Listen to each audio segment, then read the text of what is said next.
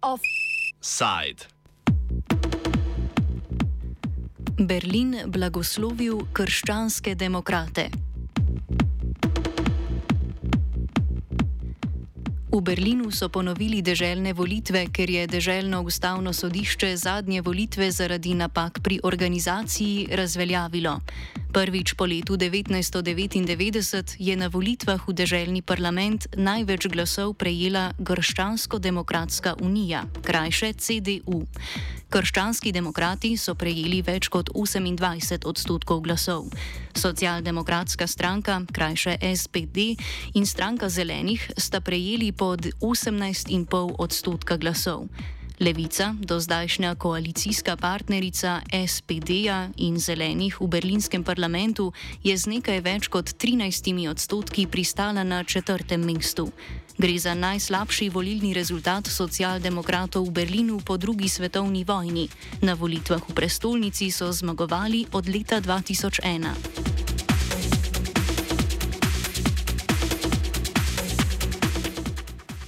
Ponovitev volitev je bila potrebna zaradi organizacijske zmešnjave pri izvedbi.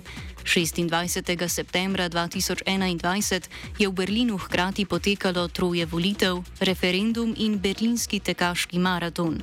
Ta kombinacija je povzročila zmešnjavo na voliščih, saj so nekatera delovala preveč ali premalo časa, ponekod je tudi zmanjkalo volilnih lističev, druge so bili na njih natisnjeni napačni kandidati.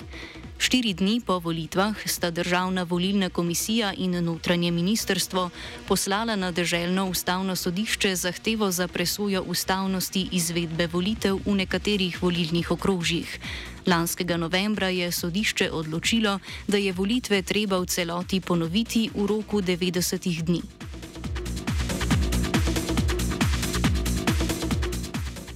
Glede izveznih parlamentarnih volitev, ki so potekale na isti dan, še ni dokončne odločitve. Parlamentarni odbor Bundestaga, v katerem imajo večino predstavniki vladajoče koalicije socialdemokratov, zelenih in liberalcev, je predlagal ponovitev volitev zgolj na 431 voliščih, kjer naj bi se zgodile nepravilnosti. Opozicijski krščanski demokrati in svobodnjaki pa so zahtevali ponovitev v celotnih šestih volilnih okrajih, kar je polovica berlinskih volilnih okrajev. Na zadnje je odbor sprejel prvotni predlog, opozicija pa je napovedala pritožbo, zaradi česar obseg in datum ponovitve zvezdnih volitev še ni znan. Ali bi organizacijsko zmedo lahko preprečili, pojasnjuje Jonathan Pakrov, berlinski dopisnik portala Euraktiv. I think that, that they underestimated the effort basically that they would have and also the kind of the, the duration that it would take for people to vote because as you said there was this um, the, the regular election for the federal level the regular election for the um, for the state level, so the regional election. Um, then there's always in Berlin at the same time also the, the local election, which is for the districts of Berlin, which is always at the same time with the with the regional one.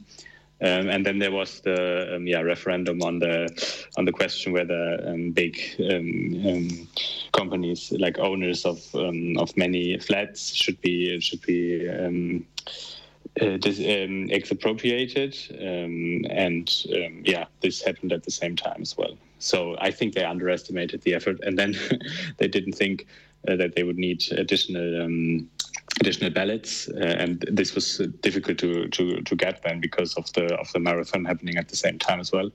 So I think this this caused additional problems, and I hope they have learned the lesson that they shouldn't put a marathon on the same day as the as the election.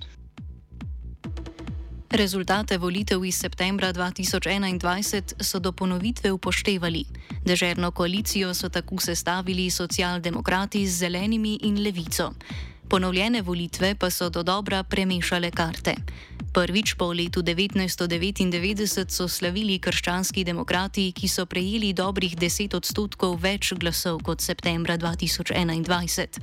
Socialdemokrati so dosegli najslabši rezultat po drugi svetovni vojni, nekaj čez 18 odstotkov, kar je 3 odstotke manj kot leta 2021. Pakrov razloži, zakaj se je CDU tokrat odrezala tako dobro. I think there were several reasons. Obviously, the, the election itself was a big point for many people because it really shed the light on the problems that are there in, in Berlin, which are in the really in the administration. Um, a lot of uh, unclear competences, so it's not clear who is actually in charge of what. Um, this is often dis- uh, discussed and criticized, uh, and, and all the parties now said they wanted to reform for the public administration in Berlin um, where they want to define the competences very clearly. And for me, that already shows um, how absurd the situation is if everyone agrees that it needs to be defined because it's just not clear who is in charge of what. So um, that that really was was brought to the attention by the by the simple fact that it had to be repeated. Poleg administrativnih problemov s prejšnjimi volitvami, Pakrov izpostavlja še dva dejavnika, ki sta botrovala dobremu rezultatu CDU.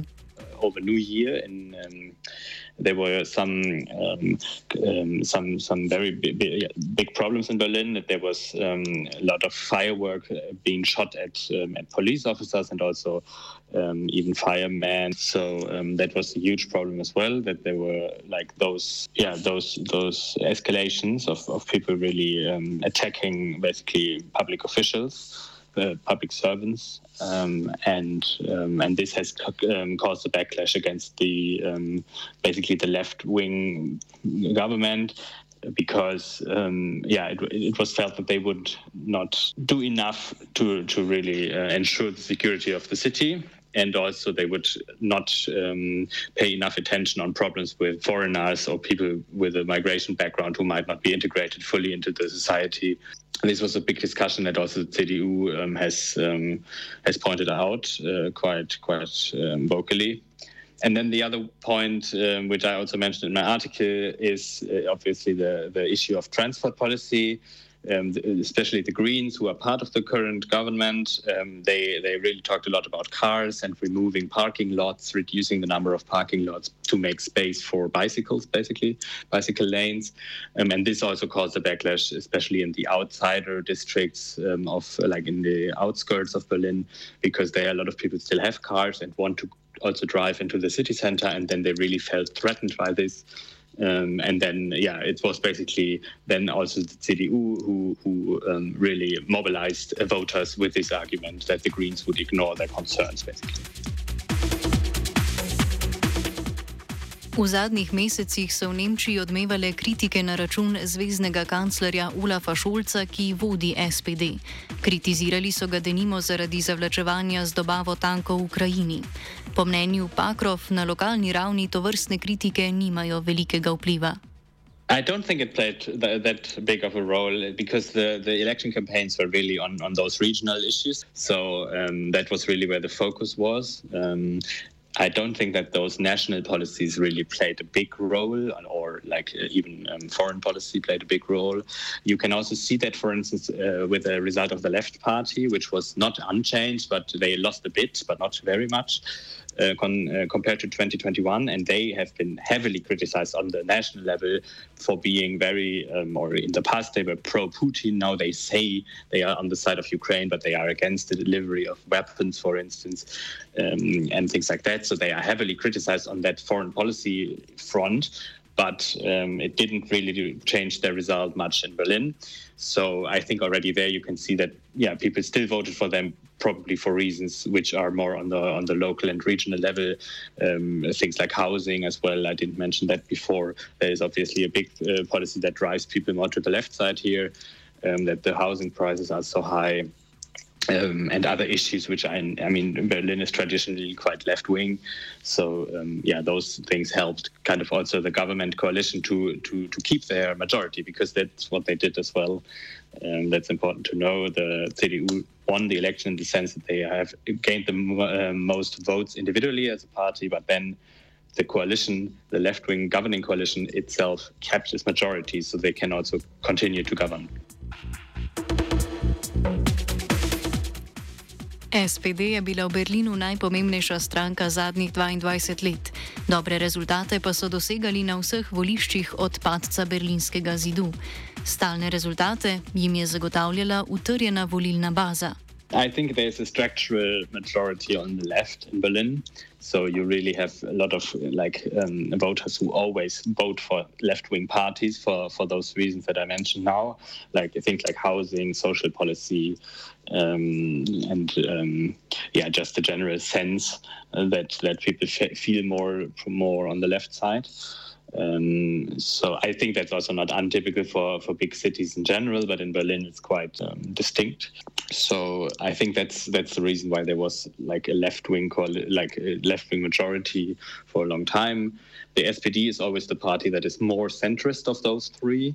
So they also had uh, governed together with the CDU in the past um, for not uh, the previous election cycle, but the one before that. Um, but yeah, I think they, they really profited for a long time from really voters who always, every time voted for them. A v zadnjih letih socialdemokratom podpora upada, kar je posledica tako delovanja stranke kot sprememb v obnašanju voljivcev. You have to say they had a huge um, share of voters with, with migrants or with migration background.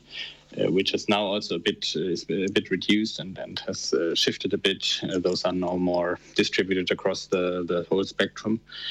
Um, but I think that still, yeah, they used to have a quite strong voter base, which was really sa safe for them. But this has really, you can see that if you look over time, you can really see that decreasing. And then from time to from each election, basically, they lost voters.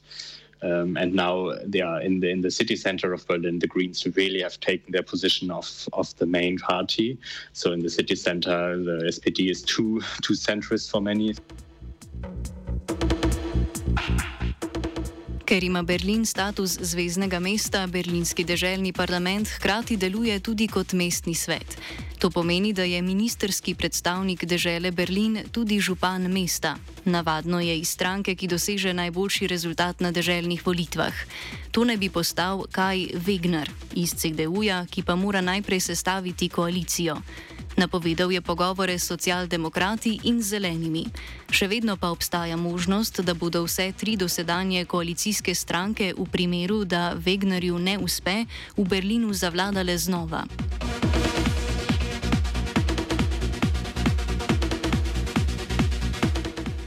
Offside je pripravil vajenec Stilen, pomagala je Tina. Tija.